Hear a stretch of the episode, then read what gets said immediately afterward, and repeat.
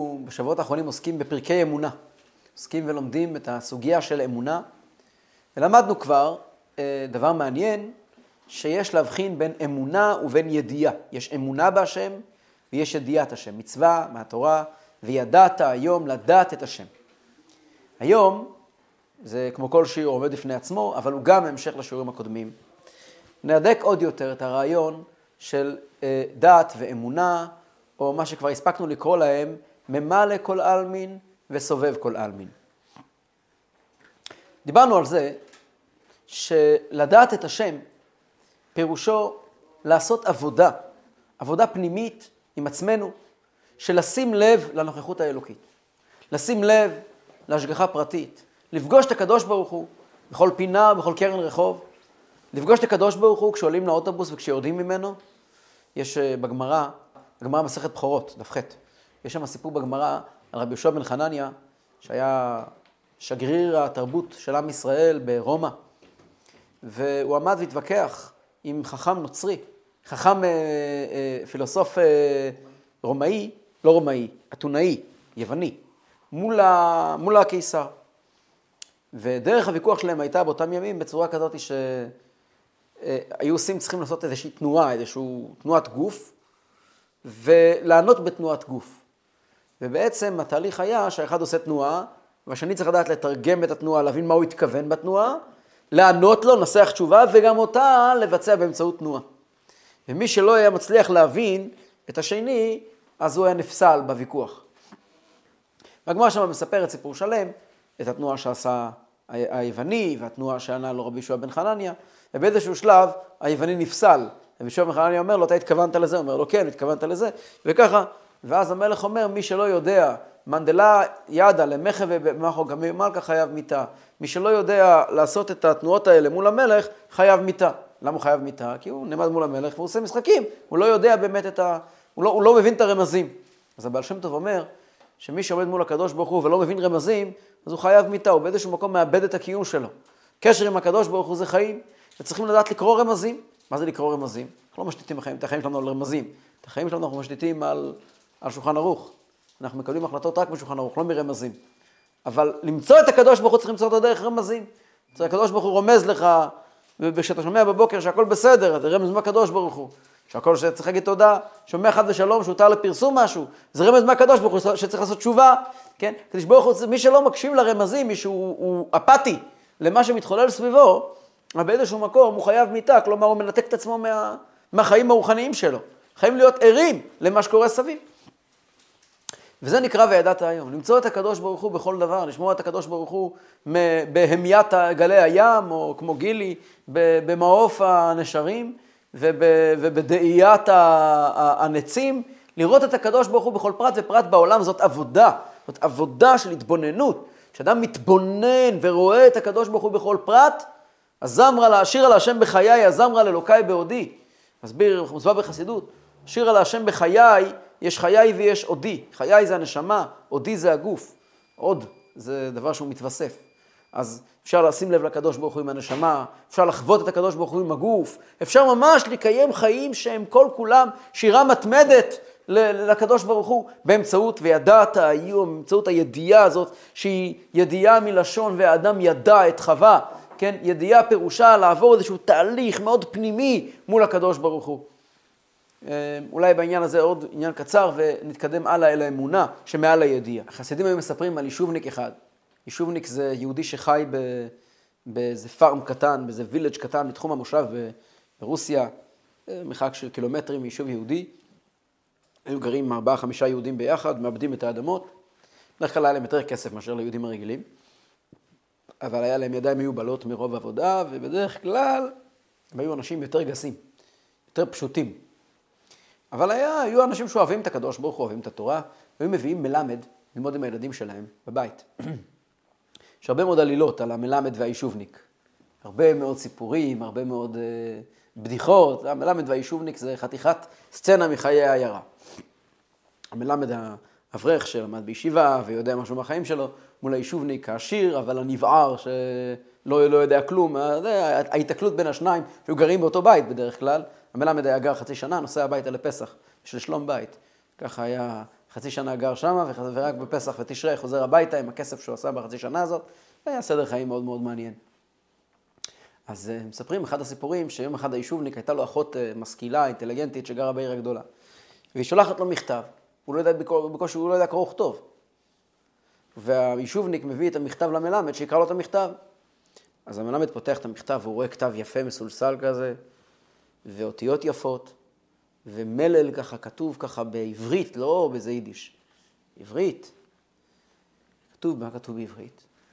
שקעה השמש בצהריים, הנני להודיעך, בלב נשבר וכואב, שאבינו עטרת ראשנו, חלה ונטה למות, ואחרי שהרופאים הגיעו וסעדו אותו וזה וזה וזה וזה, אין לי אלא לבשר לך, כי ברוך דיין האמת, נתלה עטרת ראשנו, ואבינו... עכשיו, המלמד קורא את המכתב, הוא יודע שגם הוא יקרא אותו בקול, היישובניק לא יבין. זה מילים כאלה שהוא לא איך יבין. המלמד נהיה חיוור, הודיע כזה דבר, זה לא נעים. לוקח את המכתב, והיישובניק, נו, מה, מה כתבה? מי זה אחותי? מה היא כתבה? אז הוא מתחיל לקרוא לו. נפלה עטרת ראשנו, והמלמד רואה את, את, את, את, היישובניק ככה מתאמץ להבין, נופלו עטרת ראשנו, אוי נו לנו, כל מיני מילים, וזה וזה וזה. ותוך כדי דברים, ווזוק, מה היא אומרת? שאני מבין, אבא שלי משהו נכון, מה, מה, מה קרה לו? תגיד לי מה קרה לו. תגיד לי מה קרה לו, תגיד לי מה קרה לו. ותוך כדי שהוא קורא, הוא קולט. הוא עוד לא מספיק להסביר לו מה קרה לו, היישובניק נופל מתעלף. שאלו חסידים ככה, המלמד, מי הבין יותר טוב מה כתוב במכתב? המלמד, הוא יודע, הוא מלומד. עכשיו, הוא גם כלי ראשון, כלי ראשון מבשל, הוא, הוא ראשון שקרא את המכתב. היישובניק לא מבין את המכתב, והוא קיבל את המכתב רק מכלי שני, וכלי שני אינו מבשל. ובכל זאת, המלמד קצת החביר, אבל היישובניק התעלף. איך זה יכול להיות? מה התשובה? החסידים היו אומרים, המלמד קרא פרמדר בריב, המלמד קרא מכתב זר. המלמד קרא מכתב זר. והגביר, אולי, היישובניק, אולי הוא לא הבין, אבל מדברים על אבא שלו. זה נקרא וידעת היום. ידיעת השם פירושו להיות כמו היישובניק. להבין שזה אבא שלך, להבין שזה העניין, לא להבין שזה אבא שלך, להבין ש... לחיות את העניינים כאילו זה אבא שלך. להבין שהקדוש ברוך הוא מדבר אליך מכל פינה, זה עבודת השם שלמה, זה, זה חיים שלמים של עבודת השם. וידעת היום והשבות אל לבביך, מצוות הידיעה, מלשון והאדם ידע את חווה, להתחבר עם הקדוש ברוך הוא, ולמצוא אותו על כל צד ועל כל שעל, לפגוש את הקדוש ברוך הוא בכל פינה בחיים, בכל פינה ופינה שאנחנו פונים, לראות את הקדוש ברוך הוא, האמנתי כי אדבר, לדבר אמונה ולראות אמונה, זה נקרא ידיעת השם. יש עניין אחר לגמרי, שנקרא אמונה. בזה לא שייך, אמונה זה משהו אחר. היה מספרים שפעם היה יהודי אחד, ש... בחורצ'יק, שהיה שייך לאלה שעדיין לא קיבלו את החסידות, מה שנקרא מסנגדים. ויום אחד הוא פגש חסיד והשפיע עליו ונסע לדמור הזקן. חוזר הביתה אחרי תקופה, ואח שלו שואל אותו, נו, מה למדת שם בכת? אז הוא אומר לו, למדתי שיש הקדוש ברוך הוא בעולם. אז האח המסנגד אומר לאח החסיד, זה גם אני יודע. באמת, גם אתה יודע? אומר, לא רק אני יודע, גם המשרתת יודעת. קורא למשרתת, תגידי לי, יש הקדוש ברוך הוא? כן, יש הקדוש ברוך הוא. אם, אתם, אתם אולי, אולי מאמינים בזה, אני יודע את זה. אני יודע את זה, אני חי את זה. זאת אומרת, ידיעת השם זה עניין, עולם שלם של לחוות את הקדוש ברוך הוא בכל פינה, בכל עניין. זה עדיין לא אמונה. מה זה אמונה? אמונה זה המקום שבו מסתיימת הידיעה. אמונה, דיברנו פעם שעברה, שיש שתי דרגות באלוקות, יש שתי, שני סוגי גילוי אלוקות. יש ממה לכל עלמין וסובב כל עלמין. ממה לכל עלמין זה הקדוש ברוך הוא כפי שהוא בעולם, אותו הקדוש ברוך הוא ש, שאנחנו פוגשים, שאפשר לעשות וידעת היום. אבל יש סובב כל עלמין, הקדוש ברוך הוא שלמעלה מהעולם. זאת אומרת, הרי הקדוש ברוך הוא לא מחויב לעולם. הקדוש ברוך הוא בורא העולם, אבל זה לא פול טיים ג'אב. יש לו כביכול מצחיק להשתמש בביטוי כזה, אבל כביכול חיים של עצמו. הקדוש ברוך הוא לא רק בורא העולם, הוא גם הקדוש ברוך הוא. התואר שנתנו לקדוש ברוך הוא זה הקדוש ברוך הוא. מה זה הקדוש? הנשגב, הנעלה, נכון? נבדל. הנבדל. זאת אומרת, אנחנו אומרים הקדוש ברוך הוא, אנחנו אומרים שהקדוש ברוך הוא למעלה מהעולם. שהקדוש ברוך הוא לא רק בורא העולם, יש הבדל בין אם אני אומר בורא עולם לבין אם אני אומר הקדוש ברוך הוא. זה לא אותו דבר. אם אני אומר בורא עולם, אני מדבר שהקדוש ברוך הוא בורא את העולם. אני אומר הקדוש ברוך הוא, אני מדבר על זה שהקדוש ברוך הוא, הוא נבדל, הוא נשגב מהעולם. בטח יצא לכם להגיד בתפילות, לשם ייחוד, קודש הבריחו ושכינתי. מה זה ייחוד קודש הבריחו ושכינתי? אני לא אכנס לכל הפרטים של מה זה ייחוד קודש הבריחו ושכינתי היום, אבל כבר אני אומר שיש הבדל בין המילה הקדוש ברוך הוא למילה שכינה.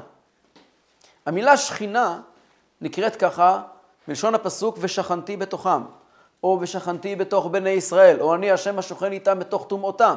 שכינה זה על שם השכינה של הקדוש ברוך הוא איתנו. שכינה פירושו ממה לכל העלמין. החיבור של הקדוש ברוך הוא איתנו. הקדוש ברוך הוא שמלטף את הדמעות שלנו. הקדוש ברוך הוא שבכל צרתם לא צער.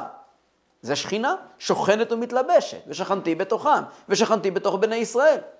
לעומת זאת, הקדוש ברוך הוא זה בדיוק הפוך. הקדוש זה הנבדל, הנשגב, שלמעלה מכל זה. ולנו, בני ישראל, יש קשר מיוחד עם הקדוש ברוך הוא. הנשמה שלנו היא חלק אלוקה ממעל ממש. הנשמה שלנו היא קדמה לעולם. שני דברים קדמו לעולם, ישראל והתורה. זאת אומרת, הנשמות שלנו היו לפני בריאת העולם. זאת אומרת שהנשמות שלנו הן לא פה בגלל שנולדנו כאן בעולם לאבא ואימא, ושיש לנו כאן איזשהו... הנשמות שלנו הן בכלל לא קשורות לעולם, עוד לפני שנברא העולם היו קיימות. זאת אומרת, במובן הפילוסופי של הדברים, אין קשר בין הנשמה שלנו למתרחשויות פה בעולם. נכון, גם אין כל כך קשר ביני לבין הנשמה שלי. הנשמה שלי זה מאוד מאוד גבוה. מה שיש בתוכי זה אולי קצה קרחון אה, מאוד מאוד מאוד קטן של הנשמה שלי. הנשמה שלי בכלל לא פה. היא שולחת פה איזה, איזה, איזה, איזה איך זה נקרא, קנוקנות, איזה, איזה, איזה חוט קטן כזה, שזה הנשמה שאנחנו חשים חיבור אליה. הנשמה עצמה היא הרבה יותר גדולה מזה, אבל סוף סוף, הנשמה היא הנשמה שלי. אלוקיי נשמה שנתת בי. למרות שת... והיא טהורה היא, היא למעלה מהעולם. בגלל הנשמה הזאת, יש בי תמיד תחושה. יש בי תמיד תחושה, בכל יהודי יש תמיד תחושה, שהעולם זה לא הכל. זה לא רק למצוא את הקדוש ברוך הוא באמצעות העולם, זה תחושה פנימית, שבדרך כלל לא באה לידי ביטוי, היום נדבר על איך היא באה לידי ביטוי, שאין צורך בעולם. סוג של אה, אה, מנגנון, לא נקרא לזה השמדה עצמית, אבל מאוד דומה לזה. מנג... משהו פנימי בנו שבז לעולם, שלא מוצא בעולם שום תכלית. כל הברואים עלי אדמות מחפשים את ההתמדה, מחפשים את הקיום, מחפשים לשרוד. זה כלל מספר אחד של כל דבר שקיים בעולם. הוא מבקש לשרוד, הוא מבקש להתפתח, הוא מבקש להתרבות, הוא מבקש, להתפת... מבקש ל... ל... ל... ל... לשכפל את עצמו, כל, כל דבר בעולם. הנשמה שלנו היא הורגת בעין, היא כלות הנפש, היא, היא כל כולה געגועים וצמאון אל הנשגב, אל המעל העולם. לא תמיד זה גלוי, בדרך כלל זה לא גלוי. אבל יש דרך מאוד פשוטה לקחת את הנשמה הזאת, מאוד מאוד פשוטה, ולהוציא אותה מעומק, מעומק הבוץ שלה, וברגע להגיע לשם. יש דרך מאוד פשוטה. איך עושים את זה? איך עושים את זה? אספר לכם. יש אה, סיפור אמיתי. רוב הסיפורים אינם אמיתיים, והסיפור הבא הוא סיפור אמיתי. היה פעם, אה, סיפרנו סיפורים מהעיירה, אז הנה עוד סיפור מהעיירה. היה פעם אה, שני חייטים. שני חייטים מאחת העיירות בתחום המושב, שהתפרנסו מחייטות, כן, כמו הרבה מאוד יהודים, עברו מעיר לעיר, מכפר לכפר. היו מחייטים פה ושם, וכנראה היו בעלי כישרון, וידעו לחייט ככה באופן אה, מחויט. יש תפרן ויש חייט, כן? זה לא אותו דבר. יש אה, מחויט ויש תפרן, הם לא היו תפרנים, היו חייטים. והתגלגלו מפה ולשם, והגיעו לאשתו של אחד הפריצים, שעשתה איזשהו נשף, הייתה צריכה שמלת נשף. והם עשו לה שמלת נשף, משהו כזה שהיא יצאה מהכלים. ממש ביקשה מהם להישאר אצלה בבית. הם נשארו אצלה בבית, וכל אחד מבין שמאוד מהר הם הפסיקו להיראות כמו יהודים של יידיש שטטל, יהודים מהעיירה, וגם טעמו מהמאכלים של הנשף. וכבר הגיעו כבר כל החברים, היא השוויצה לכולם עם החייטים שלה, והם ביקשו מהם גם כן, הם נהיו מבוקשים. הם מאוד מהר הבינו שלטובת העבודה כדאי להם להיראות אחרת. וכטבעם של דברים, מאוד מאוד מהר היה קשה להבדיל בינם לבין כל גויי הארצות. יום אחד הם הולכים בדרך ומתגלגלים, היה סופת שלגים, יום קור, והם בדרך ממקום למקום. שניהם מסודרים, ברוך השם, מבוססים. הם מגיעים עייפים ורצוצים באמצע הדרך לכפר קטן שמכריז על השם פיאנה. מגיעים לכפר פיאנה, מחפשים מקום מחסניה ללום. כל עיר היה מוטל קטן. יש מוטל אחד בפיאנה. עיר קטנה מאוד. מה זה קטנה מאוד? מדובר על עשרות תושבים. מגיעים למוטל, דפקים בדלת, פותח להם בעל הבית, אומר להם, מה אתם רוצים? רוצים להתאכסן בבקשה? נכנס להם הביתה, והם יושבים, אה, מתחממים, רוצים את הדברים שלהם, ניתן להם חדר. ואז הוא אומר להם, בואו אני אכין לכם ארוחת ערב. בשמחה רבה. אומר להם, אתם יהודים? אומר, כן, אבל מה זה משנה? אומר, כי אני אגיד לכם, כי אני יודע שיהודים מקפידים על כשרות, ואצלי האוכל לא כשר. אמרו לו, אנחנו אמרנו לך מצוותינו שאנחנו יהודים. תכין את האוכל, הכל בסדר, מה הבעיה? מה אתה מתערב? אומר להם, בסדר, אתם יודעים מה? החדר שלכם צריך לעבור שטיפה, תעברו לחדר הזה, הצביע להם איזשהו חדר מסוים, ואני, שם יש ספות נוחות, שבו שם כמה דקות, תקף האוכל יהיה מוכן, נגיש לכם את זה לחדר. מתיישבים בחדר וסוגרים את הדלת. כמה שניות אחרי שהם סוגרים את הדלת, הם שומעים את המנעול ננעל עליהם מבחוץ. את המנעול, את הלשונית ננעלת פעם, פעמיים, ואז הם מתחילים לשמוע רעש. שומעים את בעל הפונדק מדבר עם הבן שלו, שאנחנו קודם כל ניקח את התיקים שלהם עם הכסף, נשים אותם במקום מסוים, אחרי זה נהרוג אותם, או קודם. ואז הבן שלו אומר לו, בוא נהרוג אותם עכשיו, נגמור, אחר כך יהיה בעיות, נגמור עם זה עכשיו. הם שומעים, מתכננים שוד רציני והולכים להרוג אותם. והם שומעים את השפשופים של ה... אומר לו, תקשיב, זה צריך להיות מכה אחת. אז הם שומעים את השפשופים של החרב. הם יושבים בחדר רועדים מפחד. מתחילים להיזכר במשפחה שלהם, בילדות שלהם, מתחילים לבכות בדמעות של איש, ומחליטים להיות יהודים כשרים. מחליטים שברגעים האלה של החיים שלהם לפחות ימותו כמו יהודים. אומרים שמע ישראל, אומרים וידוי, עושים תשובה, הם מוכנים למות. הבקשה היחידה שלהם מריבון העולמים, שתהיה מיתתם כפרה על כל עוונותיהם, שיזכו להגיע לקבר ישראל. פתאום דפיקות על הדלת, ואחרי שעה, שעתיים, ובעל הבית שואל אותם, מאחורה אתם עדיין רעבים? האוכל מוכן. הם לא יודעים מה להגיד לו. פותח את הדלת, אומר להם, יש את האוכל, אתם רוצים לאכול? לא, לא, אנחנו אוכלים רק כשר. אז הוא מאוד חייך ואומר להם, יופי, עכשיו אני יודע שהגיעה שעתי לעזוב את העולם. מבינים מה קורה כאן? מה שעתי מה? לעזוב את העולם. משהו פה מאוד מאוד לא מובן. אומר להם, בואו אני אספר לכם. החדר הזה שאתם יושבים בו, זה החדר שבו הסתלק רבי גדול של היהודים, שהיה כאן באמצע מלחמת נפוליאון, הוא ברח. הוא היה כאן עם כל הפמליה שלו בשבת, נתקעו כאן, היה סופת שלגים. היו כאן בשבת. והרבי הגדול הזה קיבל את כל מה שצריך לקבל, במוצאי שבת, זה החדר שבו הוא ישן, וכאן הוא נפטר מן העולם. לפני שהוא נפטר, הוא ביקש להודות לי על האכסניה. הוא קרא לי לחדר שלי, שלו, ואמר לי, בירך אותי, ושאלתי אותו, בירך אותי באריכות ימים. ושאלתי אותו, איזה עוד טובה אני יכול לעשות לו? אז הוא אמר לי שיבוא יום, ויזדמנו לכאן יהודים, שתראה עליהם שהם יהודים, שהם רחוקים מלקיים מצוות, תאיים עליהם עד שהם יחזרו בתשובה. וואו. וזה תחזיר לי תשובה, וזה תדע שהסתיים התפקיד שלך בעולם. כן? הסיפור הזה סיפר, אחר כך הם חזרו, נהיו בעלי תשובה, וכמובן, מי שנפטר בכפר פיאנה, זה לא פחות מאשר בעל התניא. ואת הסיפור הזה, איך הוא הגיע אלינו? שני החייטים האלה נסעו מיד משם להדיץ', לקברו של בעל התניא, ושם הם נהיו בעלי תשובה גמורים. וישבו שם לילה ויום וסיפרו את הסיפור הזה לגבאי של הבית כנסת של האוהל הקדוש. והוא הכתיב את הסיפור הזה לחבר שלו, רב חיים מאיר הילמן, מחבר הספר בית רבי, שהוא כותב, שמעתי את זה מעצמי, מזה וזה וזה, שהוא מאוד מאוד מוסמך, סיפור אמיתי לחלוטין. אז אם שאלנו איך אפשר לגרום לבן אדם ברגע להגיע לגילוי הנשמה, זאת השיטה. זאת אומרת, לגרום לבן אדם להגיע לאמונה, שימו לב, זה לא ידיעה. יש הבדל עצום. הם לא שמו לב לקדוש ברוך הוא פתאום. פתאום מתגלה אצלם אותו יהודי משוגע שחי בתוכם ורוצים למות מהעולם כיהודים כשרים. מה קרה? אם זה נכון, צריכים לחיות כמו יהודים כשרים. אם זה לא נכון, אז מה קרה עכשיו? אתה לוקח יהודי, אתה מצמיד אותו לפינה, יוצא היהודי שלו.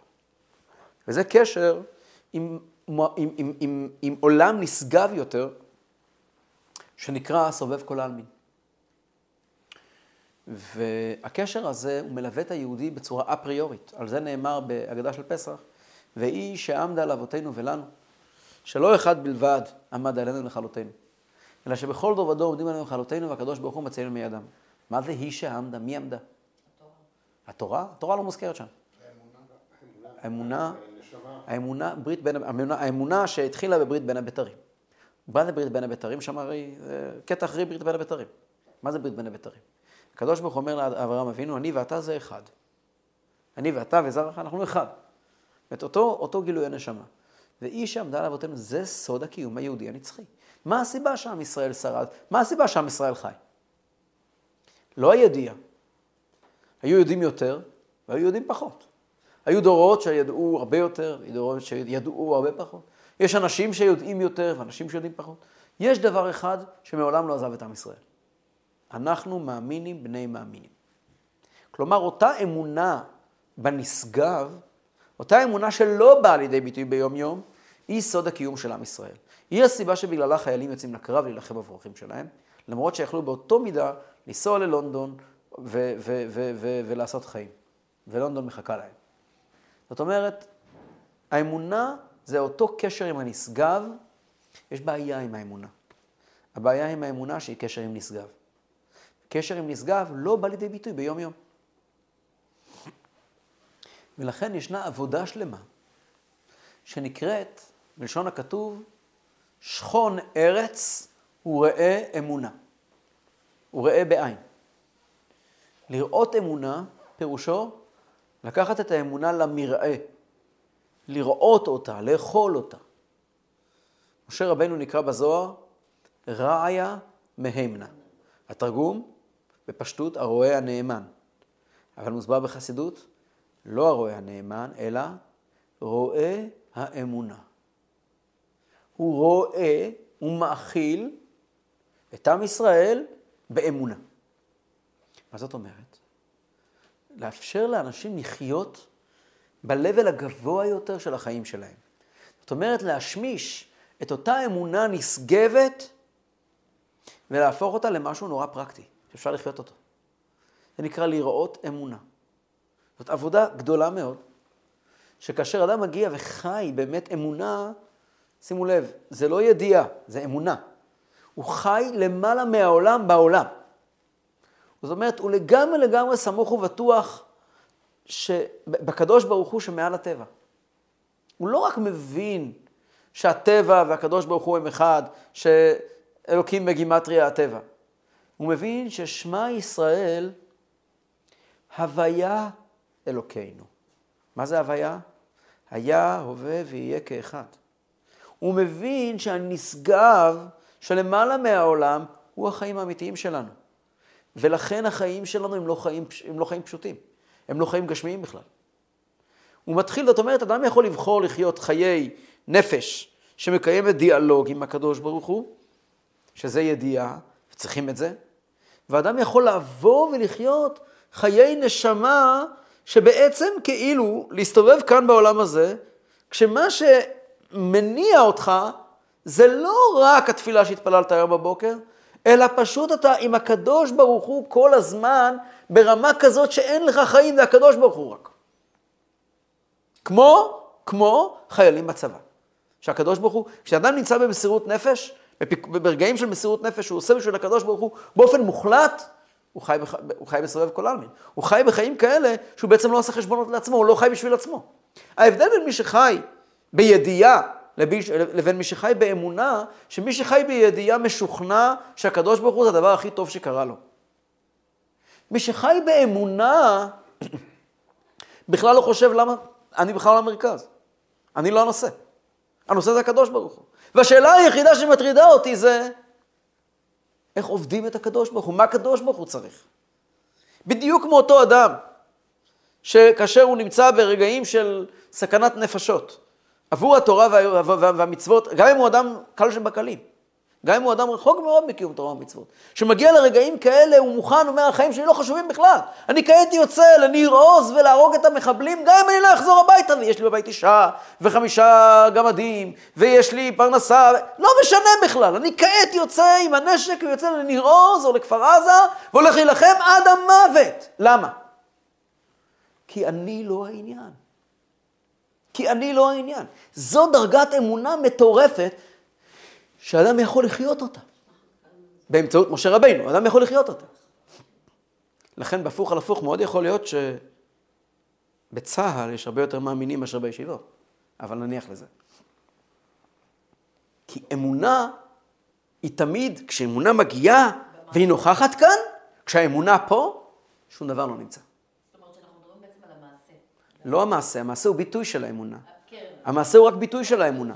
האמונה זה החיים שאני לא חי בשביל עצמי, אלא חי בשביל הקדוש ברוך הוא, שזה מטורף לגמרי. זה ביטול. זה קיים, ביטול? זה קיים רק אצל יהודים. היו פילוסופים גויים שהלכו ומסרו את נפשם ואף על פי כן נוע תנוע. אבל הם מתו עבור אידיאל שהם האמינו בו. יהודים מתים עבור אידיאלים שהם לא מאמינים בהם. כשאדם קם ויום לפני כן הוא אמר, אנחנו לא אחים. ואז הוא קם להילחם במסירות נפש כדי להציל את הלא אחים שלו, זה לא קיים אצל אומות העולם. זה גילוי הנשמה, זה גילוי הנשמה. זה דבר שאין לו שום היגיון. אותו סיפור עם שני, עם שני, עם שני החייטים, זה דבר שלא קיים אצל גויים. להיות מוכן למות עבור האמת האלוקית. אנחנו מתקרבים לפורים, זה בדיוק סודו של פורים. בפורים בני ישראל היו במצב של ידיעה נורא ואיום, קטסטרופלי. נהנו מסעודתו של אותו רשע פירושו, הם כל כך נהנו מחוויית הגלות, מהקרבה לגוי, לתרבות החדשה, של היה בהם, משתה, היה להם אפס קשר גלוי עם הקדוש ברוך הוא. הם היו בדיוק כמו שאנחנו נראים היום. וזה היה דור של הסתר פנים. ואנוכי אסתר אסתיר פניי ביום ההוא. ממש כמו הדור שלנו. כמו שכתוב בחז"ל על אסתר, אסתר זה סוף כל הניסים, כך כתוב. אסתר היה בסיום, סיום, סיום, סיום, סיום, תקופת החושך שאחרי בית ראשון. ומיד אחרי זה התחיל להבהיק בית שני. אנחנו נמצאים בדור מקביל לפני הגאולה העתידה. ואנחנו היום נמצאים בקטנות הכי גדולה שיכולה להיות. הדבר היחידי שיש לנו זה, ואמונתך בלילות. להגיד בבוקר חסדיך זה ידיעה. כשיש בוקר, כשיש אור, כשיש גילוי השם, יש ידיעה. אבל ביציאת מצרים, סוף הגלות הראשונה, כן? היה להם רק אמונה. בפורים הייתה להם רק אמונה. ובדור שלנו עיקר מה שיש לנו זה אמונה. ומה שקרה אז, שקם מרדכי היהודי ועורר את עם ישראל לקחת את האמונה ולהשמיש אותה, להוציא אותה מהבוידן ולהשתמש בה. בעל התניא מעיד שכל בני אותו הדור, זו עדות מאוד מעניינת של בעל התניא, בעל התניא היה לא רק יודע עתידות, הוא גם ידע עבר. הוא אומר שבזמן אחשורוש, החוק היה שהגזרה חלה רק על יהודים מוצהרים. ואם אדם הולך ומודיע, אני לא יהודי יותר, הגזרה לא חלה עליו. ואף על פי כן, לא עלתה על דעתם של אף אחד מחשבה קלה למחוק את השם יהודי מתעודת זהות. ככה מעיד בעל התניא. זה היה מהכוח של מרדכי היהודי. שלא כמו בשואה. אה? לא צריכים לדבר ככה. לא צריך לדבר ככה, לא צריך לדבר לשלילה על יהודים. אז גם עכשיו בדור שלנו, רגע לפני הגאולה, אז הזהות היהודית פתאום מבצבצת ועולה. ובחודשים האחרונים פתאום הפסיקו לדבר על ישראלי וחזרו לדבר על יהודי. והחודשים האחרונים מתאפיינים במסירות נפש אמיתית של אנשים שלמרות החינוך שלהם ולמרות מה שפמפמו לנו בוקר וערב שאנחנו כבר לא אחים, נעמדים עם האמונה בסובב כל העמים, לוותר על הכל כי יש משהו אמיתי שצריכים לעשות. עכשיו רק צריכים לדעת איך מטמיעים את זה בחיים עצמם. למעשה זה כל הימים האלה של ההכנה של פורים, להכנה לפסח. פסח זה גאולה, כי הכנה לפסח את חודש אדר. שחודש אדר זה בעצם למצוא את הדבר הזה שנקרא אמונה, ולגלות אותו בארבע שלבים. כשהשלב הראשון נקרא שקלים, השלב השני נקרא זכור, השלישי נקרא פרה והרביעי נקרא חודש. אבל אנחנו נדבר היום רק על השלב הראשון, שקלים. מה זה שקלים? שקלים זה שכל אחד מעם ישראל צריך לתת מחצית השקל דקה. בראש חודש, מראש חודש אדר. מה זה מחצית השקל? קודם כל אנחנו יודעים, העשיר לא ירבה והדל לא ימית. מדברים על אותה נקודה בנפש, שאין אותה יותר אצל חכמים, ואין אותה פחות אצל טיפשים. אין אותה יותר אצל דתיים, ואין אותה פחות אצל חילונים. העשיר לא ירבה והדל לא ימית. זה אותו, אצל כולם בדיוק אותו דבר. זה האמונה. ולמה זה מחצית? כי מה האמונה אומרת? אני רק חצי. חצי של מי? של בורא עולם, נכון? כמה זה מחצית השקל? אז כתוב ש-20 גרה השקל. מחצית, השקל זה 10 גרה. 10 גרה זה 10 כוחות הנפש שלי, כנגד 10 הספירות העליונות. פתאום אני תופס שאני חצי מהקדוש ברוך הוא. אומרים חז"ל, בגמרא מסכת מגילה, כשהמן הרשע הטיל את עשרת אלפים כיכר כסף אצל אחשוורוש, אמר לו הקדוש ברוך הוא, רשע, כבר קדמוך בשק... בשקליהם, הם כבר נתנו חצי השקל. כלומר, אתה בא ואומר שהם לא יהודים יותר כי חסרה להם ידיעה. הם כבר החזיקו את האמונה. הם כבר זוכרים שיש להם חיבור אחד שהוא שווה אצל כולם. והחיבור הזה השווה אצל כולם, ישנו הסבר, הסבר נוסף, מה זה מחצית מן החצי השני? כדי לתת לקדוש ברוך הוא שלם, אני חייב עוד יהודי. זה גם חיבור בין היהודים. זה השלב הראשון של חודש אדר, שמכין אותנו לקראת היציאה האמיתית ממצרים והגאולה המוחלטת לחג הפסח.